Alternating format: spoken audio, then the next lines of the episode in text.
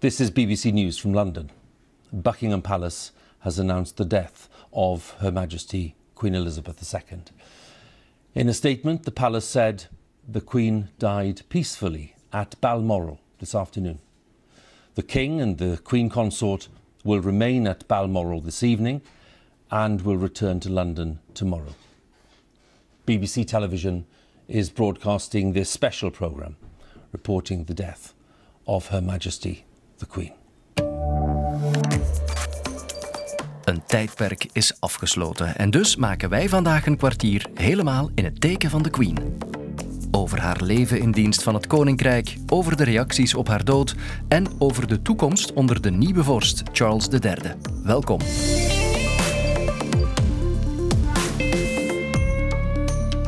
Ruim 70 jaar heeft ze dus op de troon gezeten. Een regeerperiode die begon in 1952, toen Elizabeth Alexandra Mary Windsor op 25-jarige leeftijd plots Queen Elizabeth II werd. Vijftien Britse premiers heeft ze benoemd. Zeven pausen passeerden de revue. Veertien Amerikaanse presidenten kwamen voorbij in het Witte Huis. 18 Belgische premiers zijn er ook geweest. En oh ja, 30 honden heeft ze ooit gehad. Maar gisteren is ze dus overleden, na een leven van 96 jaar in dienst van haar land. We blikken terug met Lieve Buisen, kenner van het Verenigd Koninkrijk, en dat doen we op de tonen van haar lievelingsnummer White Cliffs of Dover van Vera Lynn.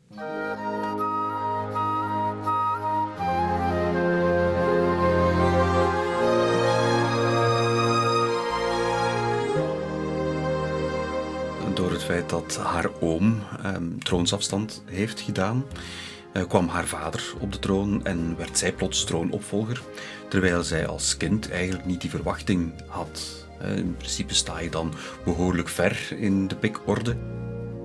Elizabeth was uh, samen met haar man Philip um, op rondreis in Kenia.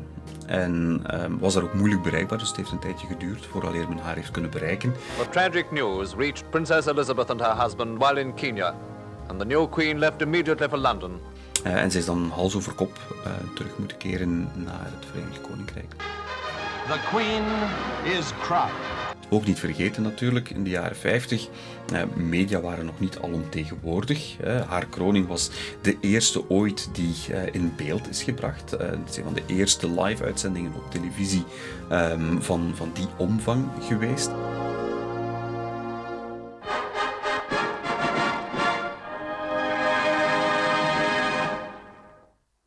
God crown you with a crown of glory and righteousness, that having a right faith and manifold fruit of good works, you may obtain the crown of an everlasting kingdom by the gift of him whose kingdom endureth forever. Amen.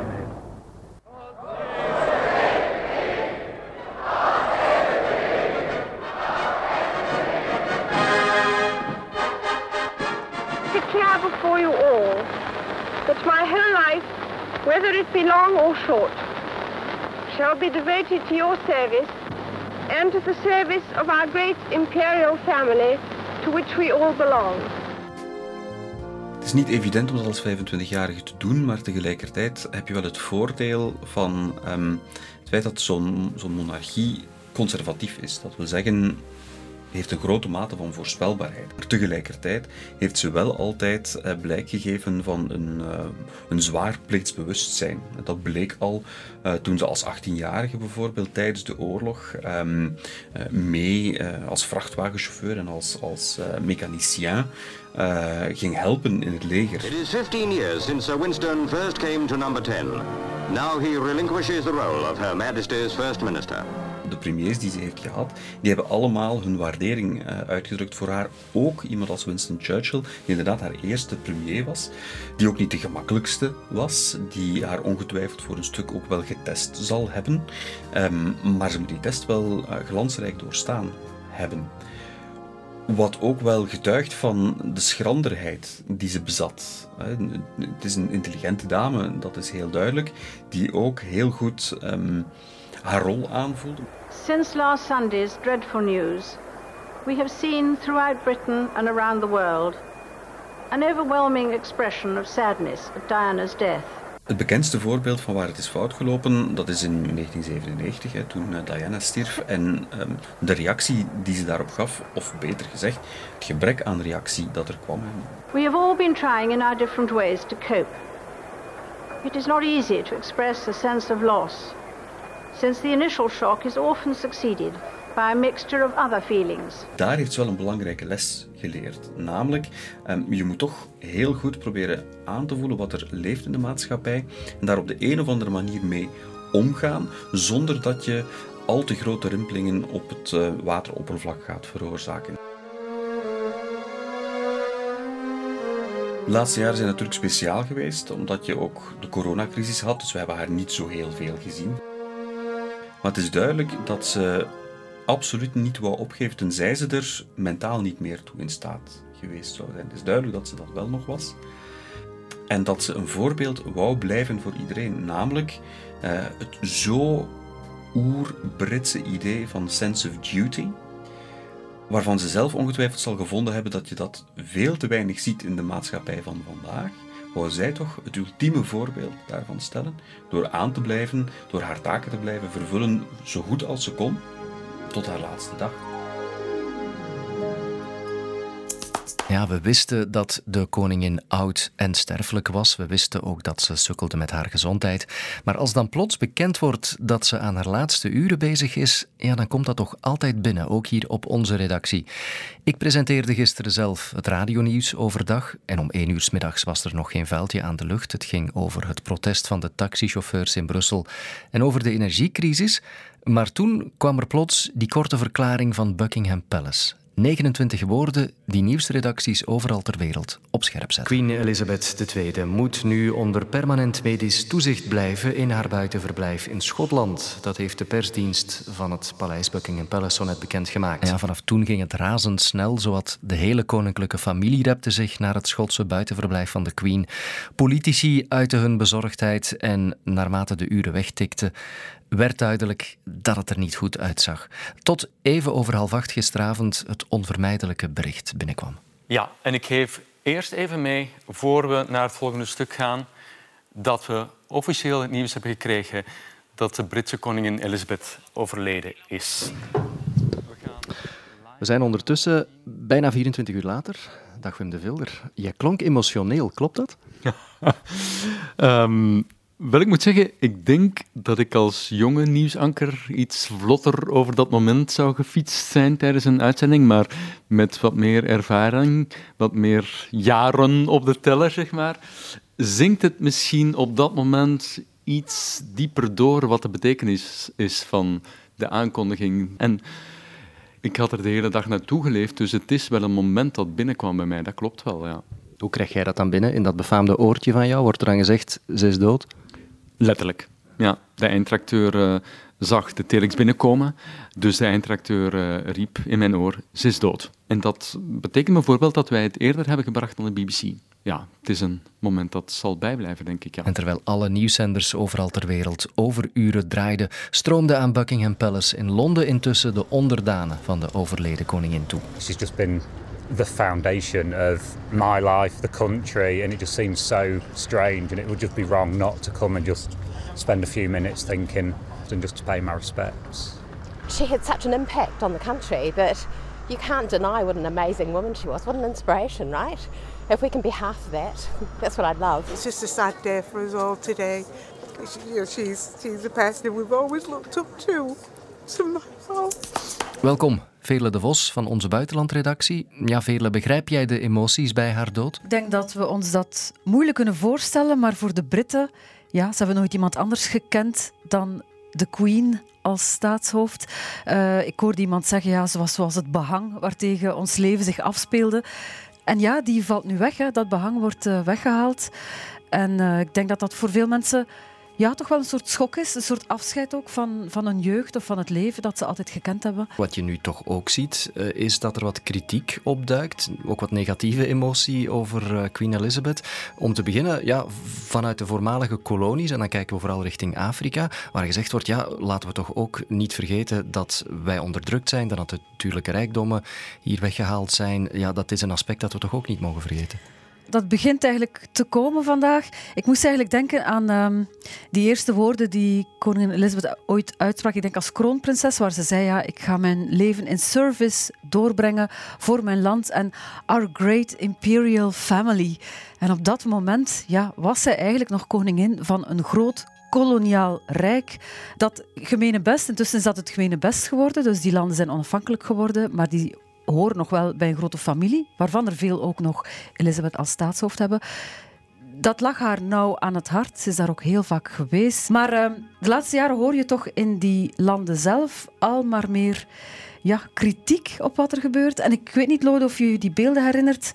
Het was nog in volle coronacrisis eind vorig jaar, toen in Barbados een van die landen, een van die landen van het Gemene Best, ja, de, de vlag, de standaard van koningin Elizabeth naar beneden is gehaald. Want dat land blijft weliswaar lid van het Gemene Best, maar heeft, ja, is een republiek geworden en heeft koningin Elizabeth niet meer als staatshoofd en dat heeft toch heel veel te maken met die herinnering aan dat koloniale verleden, waar die monarchie dan toch wel een symbool van was en waar ze eigenlijk vanaf willen. Gaan we dat zien inderdaad, dat het momentum nu daar is om ja, de monarchie de wacht aan te zeggen in een aantal landen? Dat zou kunnen. Ik denk dat koningin Elisabeth ook daar bij veel mensen nog wel affectie afdwong, een zekere vorm van respect. Ik weet niet of Charles datzelfde gevoel of diezelfde gevoelens gaat kunnen oproepen. En dan denk ik dat een aantal landen, bijvoorbeeld Jamaica, waar ook wel heel wat kritiek klinkt op die monarchie als symbool van dat koloniale verleden, je zei die uitbuiting, die exploitatie, dat ze daar ook gaan denken om eh, die aan de kant te schuiven. Vele, dankjewel.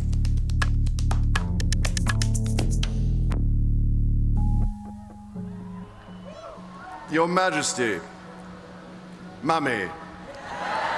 Mensen zijn sterfelijk, de monarchie veel minder. Want meteen na het overlijden van de Queen werd Prins Charles koning Charles. En dat hij grote schoenen moet vullen, dat besefte hij afgelopen zomer al, tijdens de huldiging van 70 jaar Elizabeth op de troon. You, you have met us and talked with us. You laugh and cry with us. And most importantly, you have been there for us for these 70 years. But I know what really gets my mother up in the morning is all of you, ladies and gentlemen. Wat mogen we verwachten van de nieuwe koning? En hoe past zijn vrouw Camilla in het plaatje? Kenner van het Koningshuis, Harry de Pape, over King Charles III. Dat wordt uh, een ja, interessant iets, denk ik. Hè? Want Charles heeft in het verleden uh, nooit kunnen laten om zijn mening te uiten over allerlei zaken. En dat lag soms heel gevoelig, die mening. Uh, dat wordt natuurlijk niet verwacht van een, van een, van een koning. Hè. En, en dat, op dat vlak was Elizabeth eigenlijk uitmuntend. Hè. Als koningin was ze, uh, Elizabeth is silent, Elizabeth is stille. En dat was ook haar sterkte, ook haar kracht. En ook, uh, de queen was, was een, een, dame die de natie samenhield, hè, in, in haar figuur. Gaat Charles erin slagen? Dat is ook een groot vraagteken. Nu, die man is wel al 70 jaar kroonprins, dus die is enorm voorbereid. Dus ik vermoed wel dat de functie de man zal maken ook. Een moeilijke dag voor uh, prins Andrew en uh, de koninklijke familie. Er komt dan toch een proces tegen hem in de zaak Epstein. Het zou volgens de koningin van de Amerikaanse praatshow haar beste interview ooit zijn geweest. En dat wil wat zeggen, want Oprah Winfrey, want over haar gaat het, zij heeft duizenden mensen ondervraagd.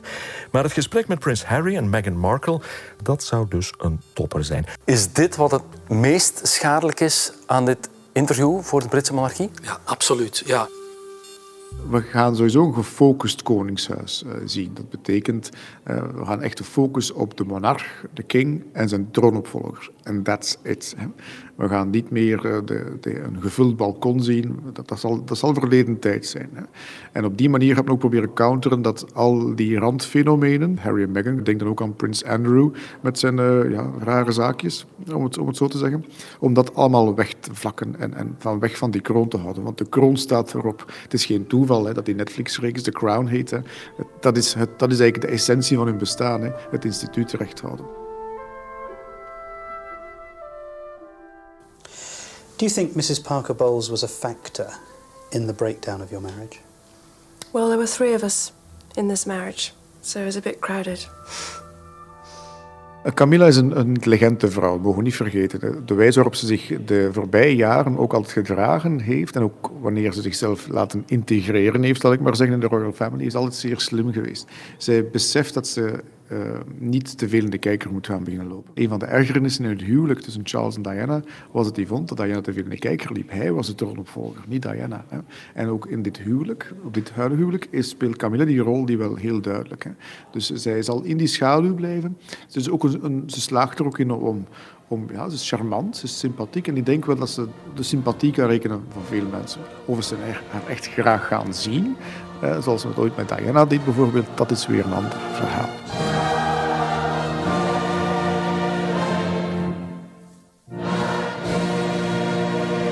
meest recente nieuws over de overleden koningin en de eerste dagen van de nieuwe koning Charles kan u vinden op alle kanalen van VRT Nieuws.